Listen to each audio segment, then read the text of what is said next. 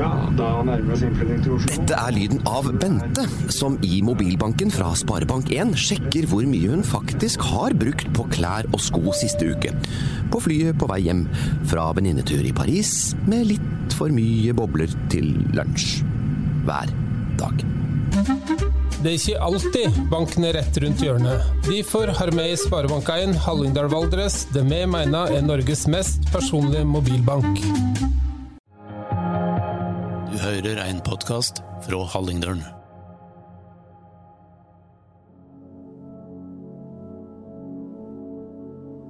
Skrik ut alle sammen at eh, Roger har klikka. Begynte vel å innbefatte meg at jeg kunne dø. Jeg vil bare at noen skal komme inn, fordi vi må, vi må sjekke Christian. Og Lars blør helt ekstremt. Jeg hadde en, eh, en, helt klar oppfatning av at ja, blir jeg skutt nå, så gjør jeg det i samfunnets tjeneste. Det er faktisk det jeg er betalt for som politimann. I forrige episode ble du kjent med Jacqueline Tufto og Janko og Lars, som var nære venner av brødrene hennes tidlig på 2000-tallet. De beskrev et familiehjem som alltid hadde dørene åpne for ungdommene. To kjærlige foreldre som lot sønnene og vennene deres boltre seg i kjellerleiligheten mens de selv var hjemme. Det er lørdag 12. januar 2002. Jacqueline Tufte har nettopp reist hjem for familiemiddag hos sine foreldre i Laurudvegen. Hun er gravid og har takket ja til tilbud om barnepass. Hennes åtte år gamle datter blir igjen hos besteforeldrene Erling og Ivanilda. Jacquelines brødre Erling David og Christian skal på fest. De skal feire kameraten Roger Schetzo sin 25-årsdag. Denne kvelden skal verden slik Geilo kjenner den, forandres for alltid. Når klokken nærmer seg midnatt, skal det utfolde seg et skytedrama ved Tufte-familien sitt hjem. I denne episoden skal du høre historien fra noen av menneskene som var til stede. Noen var midt i skuddlinjen, mens andre fryktet for sin egne liv i kjelleren. En mann sto på utsiden og skulle koordinere sitt livs farligste politioppdrag. De sterkeste scenene fra denne kvelden beskrives ikke i detalj, men episoden inneholder likevel skildringer av det som skal vise seg å bli et trippeldrap og én person ble hardt skadd under skytingen. I episoden står vi også fast at en person tar sitt eget liv, uten å gå inn på detaljene rundt dette. Dette er del to i serien om trippeldrapet på Geilo, og mitt navn er Elias Dalen. I 2002 bor Roger Schetså hjemme hos foreldrene sine. De har reist vekk denne helgen, slik at sønnen skal feire 25-årsdagen sammen med vennene sine. Kameraten Jan Christian Holden mer kjent som Janko, og Lars Henrik Haugerud, som vi kaller Lars, er med på å gjøre klar til fest. Den skal være i underetasjen hos familien Kjetso, der Roger bor. Det er taco som står på menyen. Det er, mye, det er mye jeg ikke husker fra den kvelden. Det her er Lars. Han er 19 år gammel og jobber på Haugen hotell, som foreldrene eier og driver på denne tiden. Så jeg var vel jeg på jobb den dagen. Eh, jeg tror jeg hadde resepsjonsvakt til klokka fire eller noe. Og så tok jeg med litt ost og litt småting som, jeg, som passa til taco på, fra hotellet. Og så ble jeg med jeg lurer på om Janko henta meg, og så ble jeg med ned til Roger. Det er lørdag ettermiddag, og Janko og Lars hjelper Roger med å forberede til bursdagsfeiring. Janko, som har et bra musikkanlegg, har brukt ettermiddagen på å rigge opp i kjellerstua hos Roger. Nå har han hentet Lars, og de tre kompisene skal spise taco sammen. Tidligere denne helgen har Roger med to jenter på Esso-stasjonen der han jobber. Han har mannet seg opp til å invitere de på fest. Roger var vel glad for å klare å invitere to jenter til festen, eh, og stolt av det. Han snakker om det i, i forkant av festen. Jeg tror det, det tror det var litt viktig for han at han hadde sjekka opp damer som skulle komme på bursdagen hans. I denne episoden skal du også bli kjent med Nadia Humid. I 2002 er hun en festglad jente som går på folkehøyskole i Vestby i Follo. Denne helgen har hun fått napp på gratis skyss til Geilo og drar hjem for å overraske foreldrene sine. Nadia har gått på videregående sammen med Lars og yngste sønn i Tuftehuset, Erling David. Nadia er nysgjerrig på om det skjer noe på Geilo mens hun er hjemme. Ja, og da ringte jeg bare Erling på lørdagen. Jeg bare 'Hei, jeg er, eh, jeg er på Geilo-helgen.' Han bare 'Ok, kult, det er fest i dag'. Jeg bare, ok, da kommer jeg ned. Han bare, ja, men vi skal være hos Roger, fordi Roger har bursdag da. Jeg jeg bare, ok, men Er det greit at jeg kommer? Han ja, ja, ja, Seff. Det er greit. Ettermiddag har nå blitt til kveld. I åtte-ni-tiden begynner kjellerstua til Roger å fylle seg opp med gjester. En av dem er Nadia. Jeg kommer inn og setter meg i sofaen eh, sammen med noen jenter og blir introdusert til de. Eh, sier gratulerer med dagen til Roger. Eh, og så begynner jeg å ja, prate og drikke.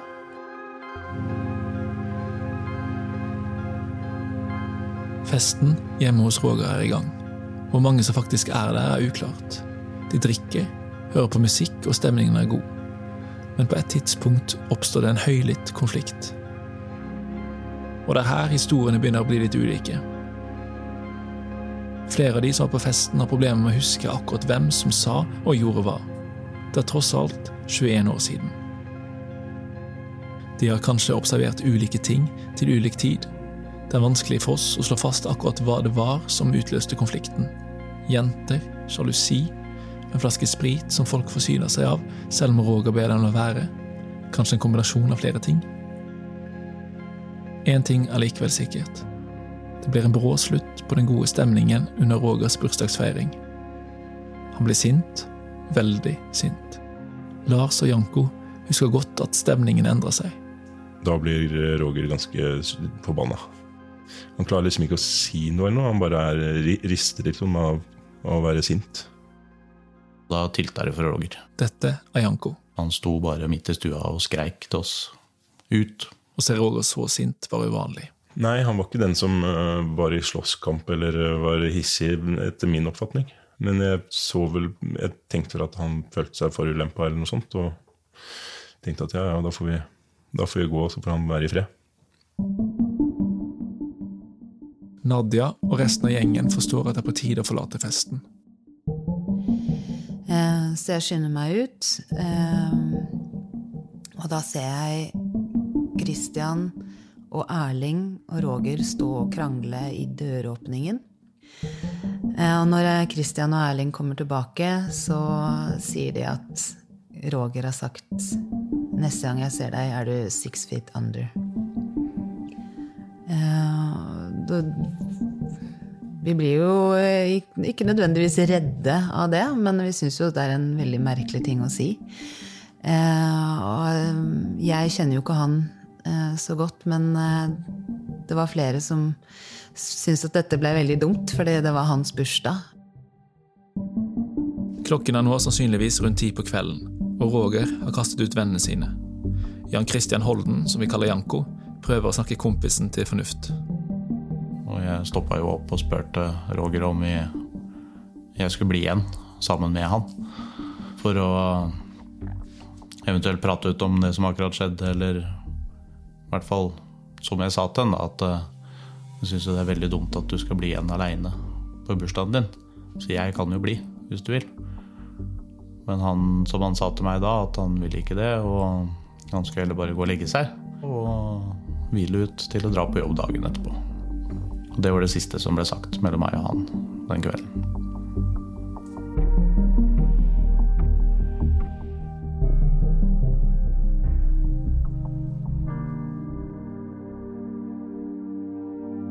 Janko og resten av vennegjengen er fremdeles feststemte. De bestemmer seg for å gå den korte veien bort til Christian og Erling David Tufto sitt hjem i Laurevegen, ca. fem minutter unna. I mellomtiden fortsetter Roger sinne å bygge seg opp. Etter at vennene har dratt, raserer han Kjellerstua, der de nettopp satt og skålte. Ingen vet hva som går gjennom hodet på Roger mens dette skjer, men han etterlater seg et kaos. På veien mot Tuftohuset er det flere som faller av. Noen drar videre ut, andre drar hjem. Men en håndfull av de nærmeste vennene installerer seg i kjelleren i Laurevegen. Så vi drar jo, drar jo da rett ned i kjelleren, vi, og setter oss der og slår på anlegget og full trøkk og fortsetter festen, rett og slett. Nadia, som nå er på fest i Tufto-kjelleren, ringer sin storebror, som er en god venn av Christian. Forteller at jeg er på fest der, det er god stemning, vi hører på musikk. Eh, og så blir jeg egentlig rett og slett litt eh, for full, så jeg tenker at jeg skal gå og legge meg litt eh, inn i senga før vi skal ut på byen, da. Og da sa jeg bare Jeg sier bare 'vekk meg' når vi skal ut på byen. Mens Nadia legger seg på soverommet, fortsetter festen i kjellerstua. Selv om stemningen er god, er det kanskje noen som kjenner på en følelse av usikkerhet. Hvordan går det egentlig med Roger? Ingen vet at Roger nå har kledd på seg heimevernsuniformen sin og er på vei mot Tufterhuset. I hendene bærer han tjenestevåpenet sitt, et AG3-gevær og 100 skudd. Nå er det viktig å etablere hvem som befinner seg i Tufterhuset. I hovedetasjen er Ivanilda og Erling Tufto, og deres barnebarn ligger og sover i husets andre etasje. I kjelleren befinner Tufto-brødrene Christian og Erling David seg, sammen med Nadia, Lars, Janko og hans daværende kjæreste Pernille. Hun er gravid og skal sammen med Janko bli foreldre for første gang. Denne kvelden kjenner Lars seg lite full. Han henter kaffe til kompisene, som kanskje er i ferd med å få i seg litt for mye alkohol. Senere på kvelden bestemmer han seg for å ringe etter en drosje. Vennegjengen vil fortsette festen på et utested i Geilo sentrum. Det var på den tida når det var ringeminutter og kontantkort og saldoer og sånn. Men Christian har gått opp fra kjelleren med Lars sin telefon. Eh, han hadde lånt telefonen for å ringe til kjæresten sin, og så skulle jeg gå opp og, og hente den. Så går jeg opp på kjøkkenet og veksler noen ord med Ivanilda igjen. Det er jo vanlig at det er fest der, men det var på en måte et eller annet annet som hun følte på. For hun var litt bekymra og sa at, vi, at, jeg måtte passe på Erling. og ja. Det var et eller annet, det var et eller i gjerdet. Eh, og så spør jeg om hvor Christian er, og så sier jeg at han er ute i, ved inngangen. Klokken nærmer seg nå midnatt. Ved et av husets inngangspartier, en mørk glassveranda, sitter Christian. Så jeg kommer inn, og så ser jeg Christian sitter her. Eh, og han responderer ikke når jeg roper på han at jeg skal ha telefonen min. Så jeg tror han bare sitter og hører. Han sitter sånn med øret på skulderen. Og så får jeg ikke noe respons, så jeg tar tak i armen hans og napper tak i den. Eh, og da ser jeg hodet vipper til side, og så ser jeg én en liten sånn rød rynning på, på halsen, og så en dråpe blod som renner. Lars sitter nå med bøyde knær ved siden av Christian. Han husker lite av de neste sekundene, bortsett fra en sviende følelse, nesten som et biestikk, og at han kollapser framover i gangen. Eh, jeg vet ikke helt når det gikk opp for meg at jeg ble skutt. Eh, det er helt grått, og det spruter, det spruter sagflis. Jeg tenker bare at jeg må komme meg vekk.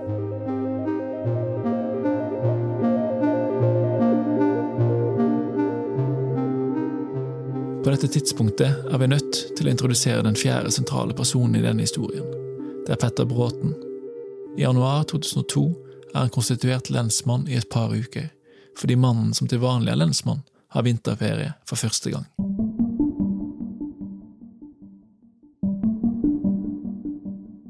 Denne helgen har ikke Petter vakt, og når han ikke har vakt, tar han som regel en pils eller et glass vin, men ikke denne kvelden. Lørdag den 12. januar har han drukket saft, spist popkorn og sett film med de to barna sine. Nå er han på vei i seng for å legge seg. Petter står og pusser tennene, bare noen hundre meter under Laurevegen, der Lars og de andre ungdommene befinner seg. Og så står jeg inne på badet i annen etasje her i, i huset vårt. Og så da hører jeg raketter. Hører raketter utafor. Sånne der små sånne smell. Sånne der. Og det hadde vært en sånn sånn framtredende greie fra nyttårsaften og fram til denne dagen. Da. Og dette er jo som kjent ikke lov å sende opp, annet enn akkurat på nyttårsaften. Så jeg, jeg hadde irritert meg litt for dette her. Men det er ikke fyrverkeri Petter Bråten hører idet han skal legge seg. Det skytes mot Tuftohuset nå, og Lars har blitt truffet flere ganger. Han sliter med å orientere seg i kaoset og ser ikke hva som foregår. I vinduene ser han kun gjenskinn. Det er lyst inne og mørkt ute. Det høres eh, Det, det eksploderer. Altså, det er, det er mye høye lyder, ja. Men jeg husker mest eh, kruttrøyken og sagflisen. At det var, det var tung, tung luft og av kruttrøyk. Hardt skadd og med flere skudd i kroppen klarer Lars å krabbe seg innover gangen mot kjøkkenet. Men hvordan, hva han møter på veien, og hvor lang tid det tar, det klarer han ikke huske. Om det har tatt ett sekund, ti sekund, ett minutt, det, det, vet jeg ikke. Og hvordan jeg har kommet meg rundt. Så ak akkurat de sekundene der er helt, er helt, svart for meg. Jeg husker på en måte først at jeg ligger, ligger på gulvet der inne. Og at jeg drar meg rundt inn på kjøkkenet. På bunnen av kjellertrappa står Janko og yngste sønn i huset, Erling David. De forstår at noe er fryktelig galt. Plutselig så hører vi noe veldig rare lyder. Akkurat som om noen banker skikkelig hardt på en gammel kjellerrute som er litt løs i karmen, kan man si. Men det var sånn vanskelig å beskrive hvordan den lyden var. Men vi skjønte momentant at nå er det noe gærent. Jeg og Erling finner jo noe å slå med, fordi vi føler oss trua. Så vi må beskytte oss. Og idet vi har gjort det, så løper vi opp eh, kjellertrappa. Når Janko kommer til toppen av trappa, blir han møtt av et syn som vil prege ham lenge. Der ute, i gangen, ligger ekteparet Tufte på gulvet, og Janko ser at Erling senior er skutt. Det kommer en ny skuddsalve mot huset, og i dette øyeblikket begynner Janko å forstå hvem det er som skyter. De vet at Roger, som er i Heimevernet, har et maskingevær av typen AG3 liggende hjemme. Så jeg og Erling vi løper jo ned. Og skriker ut alle sammen at eh, Roger har klikka. Han skyter mot oss. Så vi gjemmer jo oss inn i det eneste rommet vi har å gjemme oss på, nede i kjelleren der. På dette rommet ligger 19 år gamle Nadia og sover. Og så plutselig så vekkes jeg av at alle, mange stormer inn på rommet og roper og skriker. Og sier 'hva med Nadia?' Ja, kast henne ned på gulvet. Og jeg bare 'hæ? Kast meg ned på gulvet?' Og så ble jeg bare dratt ned, og så hører jeg pang, pang, pang. Eh, uten at jeg skjønner hva det er. Og så blir jeg fortalt at eh, det er Roger, det er Roger, han er utenfor, og han skyter. Og så sa jeg nei, det er ikke, det er ikke mulig. På kjøkkenet ligger Lars og gjemmer seg ved et kjøleskap. Da gikk det en, kanskje et par minutter, og så eksploderte hele For der også var det et stort kjøkkenvindu. Eh, Og da eksploderte hele den veggen også plutselig, med glass som spruta, og, og veggen som på en måte bare forsvant. Da trodde jeg at noen var ute etter å drepe meg, ja. Eh, Og at um, den ja, Jeg var ganske sikker på at det var Roger, at Roger ville prøve, prøve å drepe meg. Eh, Og så var jeg bare glad for at han trodde at jeg var oppreist, og at eh, skudda ikke kom så langt ned på, på bakken som jeg lå. Det ble nesten som at det ble selvsagt at det var Roger. Jeg vet ikke hvorfor, men det var bare sånn jeg tenkte. Det, det kunne ikke være noe logisk annet. Nede i kjelleren er resten av ungdommen i sjokk. De kaster seg over telefonen for å ringe etter hjelp. Hva som foregikk gjennom hodet, det var vel egentlig Prøve å holde seg i live, egentlig. Det var vel Jeg håper jeg slipper ut herifra. Med livet i behold. Jeg ringte mye. Både min eh, mor og, og nødetater. Og skreik om hjelp. Noen må komme og hente oss. Oppe på kjøkkenet har det blitt stille. Lars, som ligger på gulvet inne i kjøkkenkroken, blir varm og åpner fryseren for å kjøle seg ned. Han er hardt skadet og klarer ikke å bevege seg noe særlig. Det er ikke noe sted jeg kan gjemme meg her, så jeg får bare ligge og håpe på det beste. Det åtte år gamle barnebarnet som er på overnattingsbesøk, kommer inn på kjøkkenet. Lars ber henne hente hustelefonen, holde seg lavt og løpe og gjemme seg. Så ringer han 112. Første gang jeg ringte, så tror jeg de la på med en gang jeg sa at det var skyting. Det er jo naturlig at politiet tenker at folk tulleringer, men det var litt frekt å bare legge på. Eh, Neste gang så, så spør de om hva jeg heter og personnummer og alt mulig. Så sier jeg at eh, sorry, men jeg er skutt, så jeg, kan ikke, jeg kan, klarer, ikke å, klarer ikke å si personnummeret mitt akkurat nå. Det gikk i hvert fall en, gikk en stund. Det gikk noen telefonsamtaler før jeg følte at jeg, jeg kom gjennom til politiet. da. Barnebarnet løper ned i kjelleren og forteller til Nadia og de andre hva som foregår i hovedetasjen. På dette tidspunktet bestemmer Nadia seg for å gå opp. Janko, Erling David og Pernille forskanser seg på soverommet sammen med barnebarnet. Samtidig blir Petter Bråten, som nettopp har lagt seg, vekket av kona. Hun kommer løpende inn på soverommet med telefonen. Det er kollegaene på vakt som har ringt. Og så får jeg da vite at 250 meter fra mitt eget eh, hjem, så er det en som har eh, gått amok med det de mente var en AG3. Jeg tror også navnet Roger Kjetso ble nevnt i telefonsamtalen.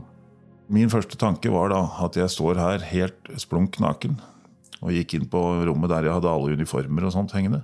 Tenkte dette er jo det beste utgangspunktet. Nå slipper jeg å ta av meg klær for å ta på meg klær. Så jeg kunne begynne med stillongs liksom, og få på meg det undertøyet jeg trengte før jeg tok den flammehemmende øh, mørkeblå kjeledressen og hoppa rett i, i uniformskoa ned i gangen og skar av gårde med retning eh, mot lensmannskontoret. Nå går det mange tanker gjennom hodet til Petter Bråten. Først og fremst tenker han på at han forlater konen og sine to små barn mens det pågår skyting like i nabolaget. Aller helst vil han låse dørene og forskanse seg i huset med jaktvåpenet klart for å beskytte familien. Men han kjører til lensmannskontoret og bruker mindre enn fem minutter på turen. Jeg kjører jo det bilen klarer, på en måte. Tanken var nok det at jo kortere tid du oppholder deg på veien, jo mindre er sjansen for å bli skutt på. Jeg følte at jeg var i en slags sånn krigslignende situasjon. Det, altså Slagstedet, fronten, var 250 meter fra huset mitt. Og, eh, og jeg måtte komme meg dit hvor jeg kunne få eh, på meg utstyr og kunne beskytte eh, samfunnet. I Tuftohuset har Nadia gått opp trappen. Det er stille, men synet hun møter, gjør det klart for henne at det er alvor. Hun forstår raskt at foreldrene i huset har blitt skutt flere ganger. Der de ligger er det trangt, og Christian ligger enda lenger ut mot glassverandaen. Det er for mørkt til at Nadia kan se inn dit. Hun beveger seg innover i huset for å lete etter kameraten Lars. Jeg går inn på kjøkkenet, og der finner jeg Lars eh, helt forskutt. Eh, og da løper jeg til vasken. Eh, under vasken så finner jeg et skap med masse kjøkkenhåndklær. Surrer de rundt etter beste evne, hva man har lært på førstehjelpskurs. Eh, og snakker med Lars, som er egentlig ganske klar, eh, og sier Christian er eh, skutt. Alle er skutt. Nå ringer også Nadia etter hjelp. Hun slår 113 på telefonen og venter på svar. Og jeg ringer de og sier jeg er, nå er jeg oppe. Det er, dette er situasjonen. Og de ber meg forklare hva tilstanden til Lars er. Og jeg sier han har et veldig stort skuddsår i magen. Lars har fire store inngangs- og utgangssår, men sannsynligvis er han truffet av seks kuler. Han ble først skutt i venstre arm og venstre ben da han satt bøyd over Christian. Da han snudde seg vekk for å løpe, ble han truffet av én eller to kuler i ryggen. Til slutt får han to skudd i høyrefoten. Nadia prøver å følge AMK sine instrukser over telefonen, men de ser ikke hvor omfattende Lars sine skader er. Ikke alle instruksene hun får, er mulig å følge. I kjelleren ringer ungdommene desperat etter hjelp. Vi ringte og ringte, fordi at det skjedde jo ingenting. Vi lå jo der nede og visste jo ikke hvor Roger var. Men eh, vi endte jo opp med å få den beskjeden av at vi ikke kunne drive og ringe mer. Og så vi fikk kjeft. Etter hvert får de beskjed at hjelpen er på vei, men hvert minutt føles som en evighet. Det skjedde jo ingenting. Vi lå jo der lenge, så det var jo Det var jo desperasjon. Vi ville jo bare ut derifra, så vi fortsatte jo å ringe. Det har gått få minutter siden Petter Bråten forlot hjemmet sitt. Nå ankommer han lensmannskontoret på Geilo. Der ligger riggen, som består av en skuddsikker vest, en MP5 maskinpistol, en revolver og en hjelm klar på skranken. Han møter de to vakthavende politibetjentene og en eldre og erfaren kollega som også har blitt kalt inn. Det forekom meg at vi var i en situasjon hvor verden slik vi kjente den, var i ferd med å forandre seg. Det var en med et krigsvåpen. Og jeg visste, i og med han hadde AG3, at han sannsynligvis hadde den ammunisjonsbeholdningen som en heimevernsungdom har. Ca. 100 skudd. Det er en formidabel motstander. Jeg følte at vi var i en situasjon hvor det var vanskelig å kreve at de tre gutta som sto foran meg, skulle rykke ut eh, sammen med meg. da. Så sier jeg da at eh, nå, karer, nå skal vi ut i en situasjon som er ekstremt farlig. Hvem av oss som kommer tilbake, vet vi ikke. Vi får håpe det er alle. Men vi kan bli skutt og drept. I utgangspunktet så burde vi vente nå til det kommer andre. Men jeg sa det føler jeg det har vi ikke tid til. Vi må ut og ta det ansvaret vi har som politifolk. Men dersom dere velger å avstå og ikke vil rykke ut, så skal jeg ikke starte en sak, personalsak mot dere av den grunn. Og da er det liksom tre mann foran meg i skuddsikre vester og med masse våpen og dingledangel hengende på kroppen. Så akkurat som de retter seg litt i ryggen, og så tar de et halvt skritt fram uten å si noe. Det, akkurat den følelsen jeg fikk da, jeg kan nesten kjenne på nå. Altså det, det, det gjorde sterkt inntrykk. Petter kontakter politimesteren og ber om mest mulig forsterkninger. Han får beskjed om at beredskapstroppen til politiet vil reise samlet fra Oslo, og at de derfor velger bil framfor helikopter. Det er en kjøretur på 22 mil. To lokale patruljer blir også tilkalt, en fra Gol og en fra Nesbyen. Men patruljen fra Nesbyen befinner seg på dette tidspunktet i Tunhovd. I 2002 hadde ikke politiet våpen i bilene. Både revolver og maskinpistol ble lagret på de lokale lensmannskontorene. I stedet for å kjøre direkte til Geilo gjennom Skurdalen, som var det raskeste, var denne patruljen tilbake til Nesbyen for å hente våpen. Det skal ha forlenget utrykningstiden deres med nesten en time. I tillegg ble det tilkalt hundepatruljer fra Asker og Bærum som setter kursen mot Hallingdal. Og nå stenger Geilo sentrum ned. På utestedene får folk beskjed om ikke å forlate lokalene, og alle må holde seg innendørs. Bergensbanen og andre tog blir holdt igjen, og det samme blir drosjene i bygda. Petter Bråten og de tre andre politibetjentene fra Hol lensmannskontor setter seg i to biler og kjører ned mot Laurevegen. Den ene bilen sperrer krysset inn til nabolaget fra rv. 7. De setter på blålysene og forlater bilen. Et enkelt mål å sikte på hvis noen vil deg vondt, tenker Petter. Selv er han i den andre bilen som jobber seg nærmere huset til familien Tufto uten blålys. Mens han kjører mot åstedet, plukker han opp telefonen for å ringe konen. Da ringer jeg og så sier jeg hei. Det er en gjerningsmann på frifot med en AG3. Han har skutt og drept tre personer. Og eh, vi vet ikke hvor han er. Da må dere begge jentene opp av det midtre soverommet. Trekk for alle gardiner, slå av alt lys, lås alle dører, og vent til jeg tar kontakt. På kjøkkenet i Tuftehuset ligger fremdeles Lars hardt skadet og mottar førstehjelp fra venninnen Nadia. På et tidspunkt kommer også Pernille opp for å se til dem. Hun har fram til nå gjemt seg i kjelleren sammen med de andre. Pernille og Nadia mottar instrukser fra AMK og gjør alt de kan for å hjelpe Lars. Så sa jeg han har en skuddskade i foten også, og jeg har prøvd så godt etter beste evne å surre noe rundt den. Det er viktig at den blir hevet. Så jeg, jeg tror ikke det går. Jeg tror ikke det er lurt. Jo, det, alle skader må heves. Men igjen så visste ikke de at dette var AG3. Så jeg prøver å løfte den, og da Det går ikke. Og Lars, han blir så dårlig og får så vondt at han kaster opp. Og vi ringer eh, flere ganger eh, og spør liksom når er det noen kommer inn. Eh, de sier bare 'hold linjen'. Jeg er ikke så interessert i å holde den linja. Jeg vil bare at noen skal komme inn. Fordi vi må, vi må sjekke Christian, og Lars blør helt ekstremt. Det er klart for Nadia at Ivanilda og Erling, foreldrene i huset, ikke lever lenger. Men flere av vennene er usikre på Christians tilstand. For Nadia er det vanskelig å undersøke dette nærmere. Da må hun forlate Lars og ta seg gjennom den trange gangen hvor foreldrene ligger. Samtidig nærmer Petter Bråten seg huset, uten å ane hvor Roger er. På veien møter han naboer som gått ut på trappen for å spørre hva som skjer. Petter ber dem gå inn og låse alle dørene, Via sambandet får han informasjon om Lars' tilstand, og han får beskjed om at ungdommene i kjelleren er desperate. Polititaktisk framrykning nærmer de fire betjentene seg huset fra to ulike kanter. Er han inne i huset? Er han uh, utafor huset? Har han til hensikt å skyte mer? Alt dette var jo helt ukjent. Og eh, Vi hadde ingen indikasjon på hvor han var. Det var liksom opptråkka i snøen på utsida der i alle retninger, så vi hadde liksom ikke noe spor å gå etter. Men da etter hvert så kom jeg såpass nærme at jeg da kunne kaste det blikket inn i denne glassverandaen. Det er da på en måte det virkelig synker inn, altså at dette er, dette er eh, reelt, altså. Det, her er det drept folk. Men det er først når du får det skikkelig visuelt eh, trøkt inn, det er da du Det er da hjernen kobler det, egentlig. At det, Ja, det er, er jaggu meg sant, altså. Det er sånn det er. Og der lå det folk Jeg kjente jo igjen menneskene.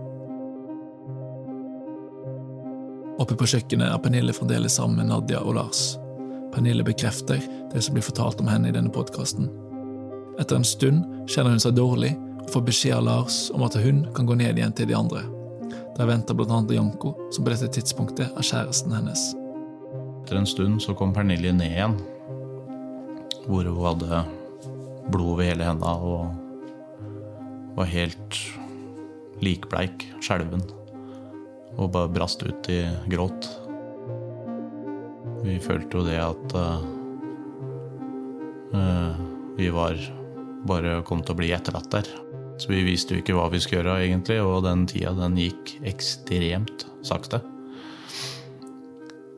Og når du da ligger der nede i et rom fullt av folk som er livredd for å miste livet sitt, og samtidig som barnegråt og ungdommer som gråter, så blei vi bare hele situasjonen helt absurd. Man Det var som en vond drøm.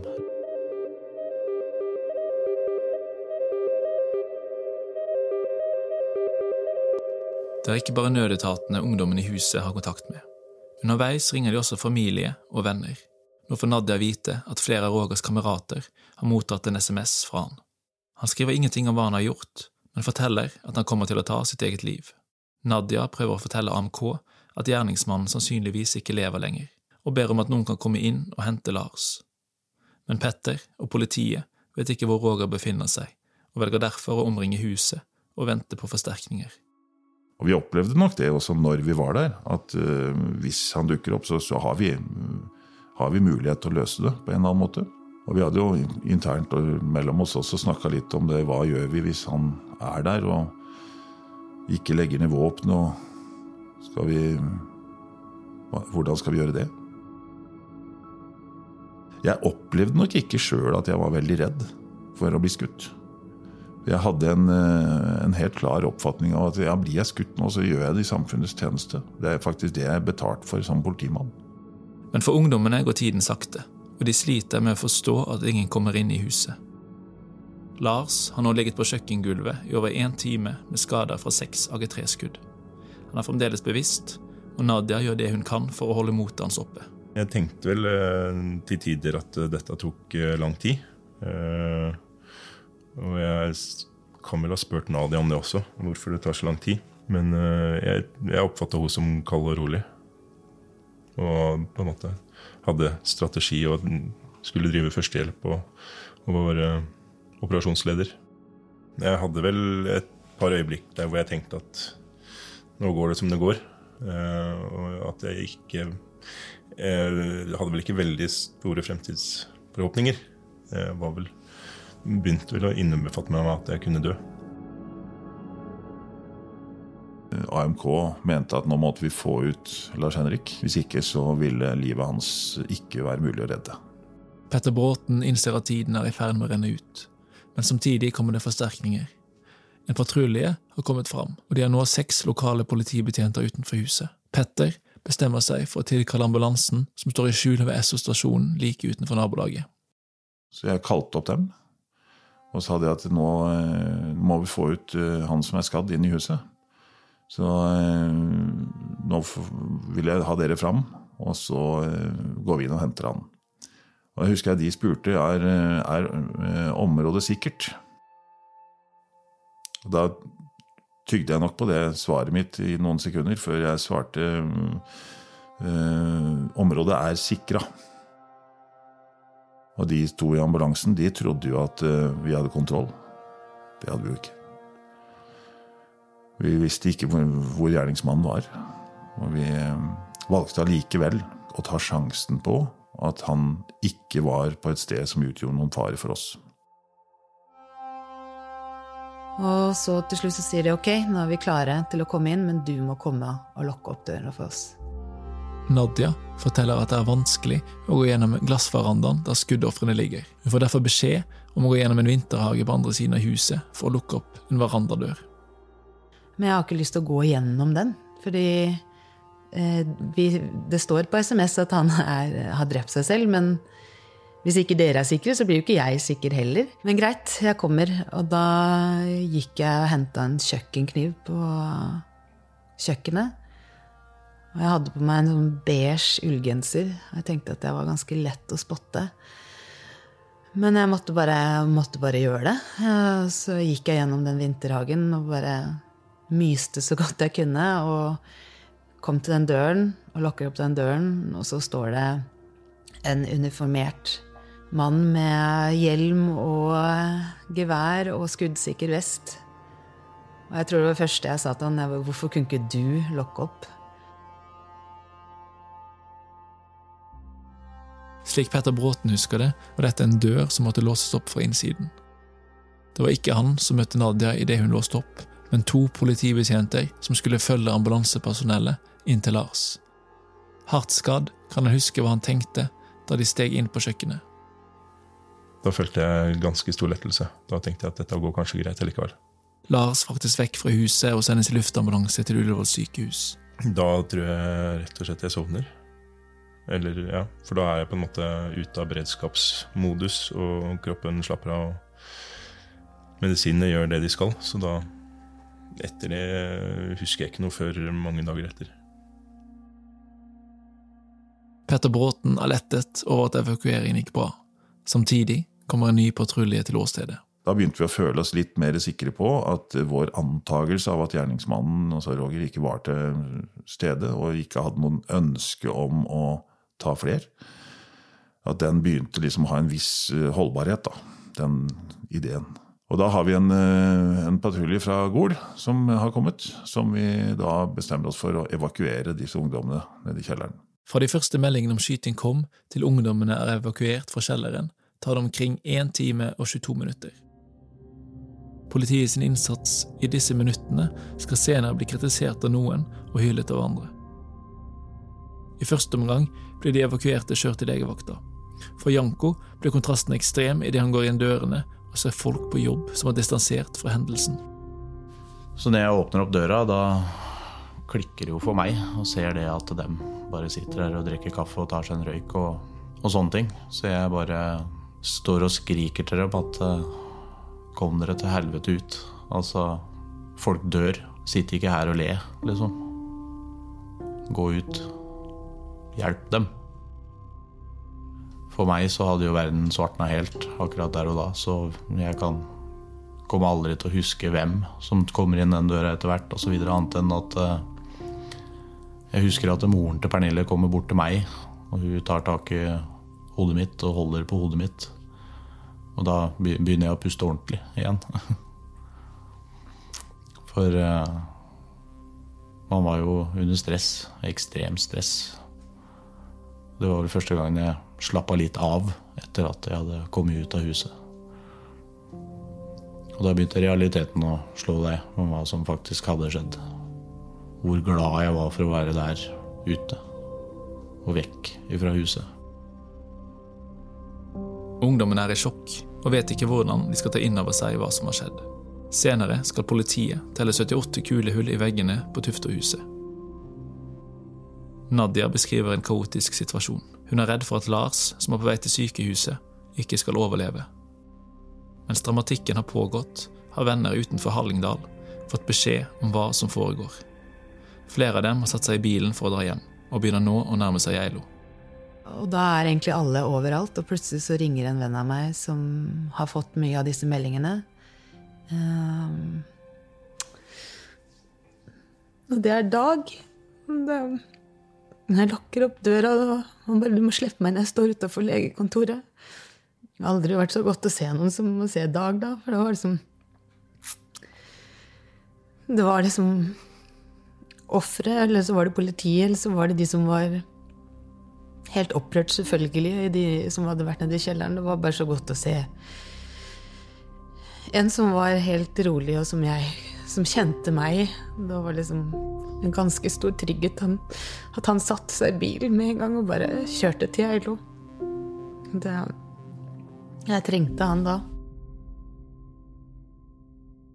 Mens de evakuerte blir tatt hånd om, reiser Petter tilbake til lensmannskontoret. Han fortsetter å koordinere politiarbeidet herfra. De legger en plan for å omringe Roger sitt hjem, i tilfelle han befinner seg der. Samtidig kommer det politihunder til Geilo. De trekkes raskt ned en skråning på baksiden av Tuftehuset. Bare 50 meter under åstedet, i en plankehytte, finner de Roger. Han har tatt sitt eget liv.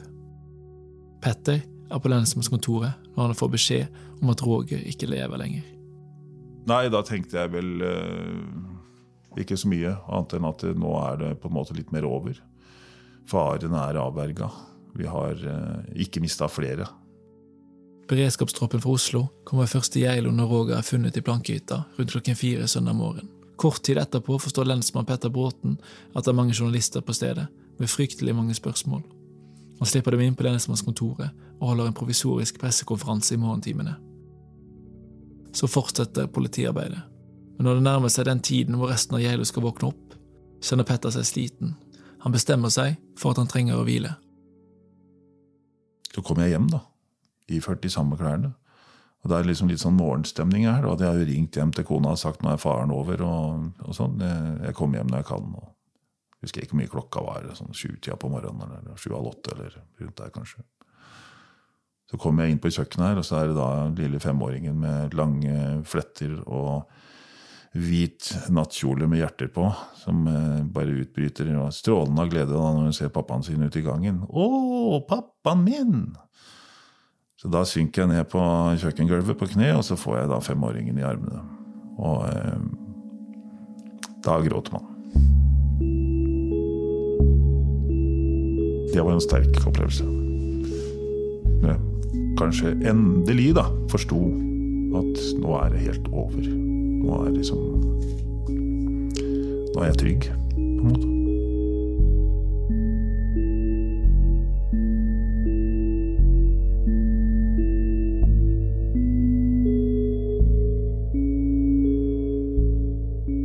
Masseskytingen den 12. januar 2002 er den groveste voldshendelsen i Hallingdal siden andre verdenskrig.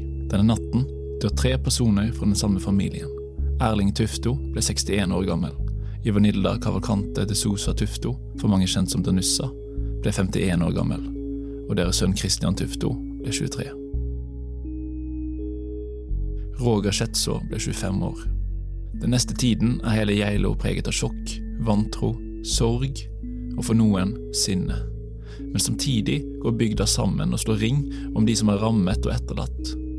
Det vil vise seg at folk flest møter hendelsen med kjærlighet fremfor hat. De neste dagene må Geilo-samfunnet ta noen avgjørende valg for hvordan bygda skal bearbeide og leve videre etter denne hendelsen. Samtidig utløser saken debatt på nasjonalt nivå, både når det gjelder rutiner hos Heimevernet og hos politiet. Neste episode vil ta for seg den første tiden etter drapene. Hvorfor velger ungdommene i huset å uttale seg i media flere ganger? Hva kunne vi gjort annerledes? Hva kunne vi gjort for at dette skulle gå bedre? Og kunne man gjort noe for å redde Christian? Det var jo det som var fokuset vårt. Hvordan er det å være lensmann og folk hevder at du ikke har gjort jobben din? Da ble det sånn at jeg måtte ta, ta det ansvaret, da. Å være den skyllebøtta og få denne kritikken. Selv om rent sånn faktisk så mener jeg at de, de henvendte seg til feil sted. De hadde ikke noe annet sted. Og hvordan er det for Roger sin familie å våkne opp til nyheten om det han har gjort? Og én ting er at han er død. En annen ting er hva han har gjort. Altså, det var jo bare helt Ja, det, det var så sjokkerende at det var jo ikke til å sette ord på. Du har hørt episode to av fem i serien om trippeldrapet på Geilo. Denne podkasten er laget av meg, Elias Dalen, og journalist Anna Huseby, og er en del av Røynda, Hallingdølens historiefortellende podkast. Ansvarlig redaktør i Hallingdølen er Lillian Holden. Hvis du vil lese mer om Geilo-saken, gå inn på hallingdolen.no podkast. Trenger du noen å snakke med? Ring Mental Helses hjelpetelefon på 116 123. Ja, da nærmer vi oss innflytting til Oslo. Dette er lyden av Bente, som i mobilbanken fra Sparebank1 sjekker hvor mye hun faktisk har brukt på klær og sko siste uke. På flyet på vei hjem fra venninnetur i Paris med litt for mye bobler til lunsj. Hver dag. Det er ikke alltid banken er rett rundt hjørnet. Derfor har vi i Sparebank1 Hallingdal Valdres det vi mener er Norges mest personlige mobilbank.